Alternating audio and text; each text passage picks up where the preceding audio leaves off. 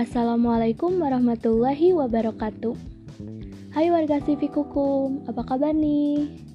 Semoga baik-baik aja ya. Senang rasanya Suci Mulyati dengan NIM 1902056 bisa kembali hadir di acara yang ditunggu-tunggu selama seminggu ini.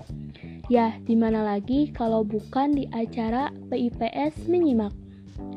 Bagaimana nih puasa kalian? Masih tetap semangat ya? Meskipun terasa lelah dan sangat letih. Nah, seperti biasa, selama 2 jam ke depan, dari jam 9 sampai jam 11 siang, nanti Suci bakalan menemani warga sivik dengan berbincang-bincang mengenai tanggapan untuk kelompok yang telah melakukan presentasi. Nah, minggu lalu Suci menyampaikan tanggapan untuk kelompok 14. Kira-kira hari ini Suci akan menanggapi kelompok berapa ya? Ada yang tahu? Nah, betul sekali, kelompok 15 dengan pemateri Erli Apriliani dan Sri Nurdiani. Sebelum menyampaikan tanggapan, Suci ingin mengucapkan terima kasih kepada kedua pemateri yang menyampaikan ilmu beserta wawasannya kepada kita semua. Semoga ilmu dan wawasannya bisa kita terapkan untuk masa depan. Nah, langsung saja untuk mempersingkat waktu, Suci akan memberikan tanggapan. Sebelumnya, Suci ingin menanggapi dalam penyampaian materi.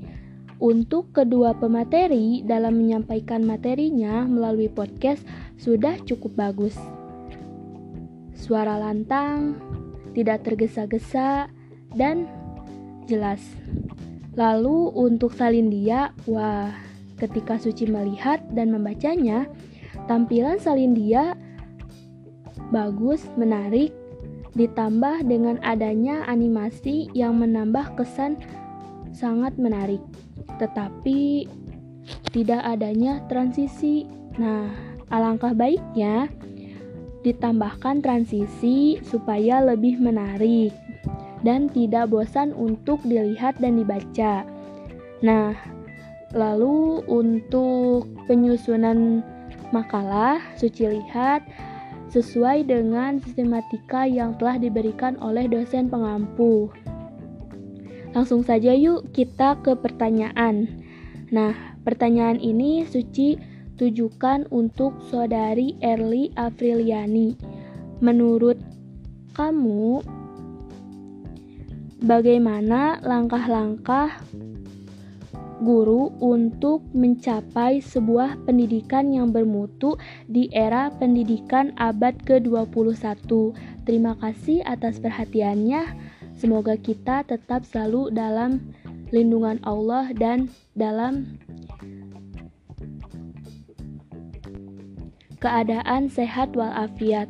Wabillahi taufik walidayah. Wassalamualaikum warahmatullahi wabarakatuh.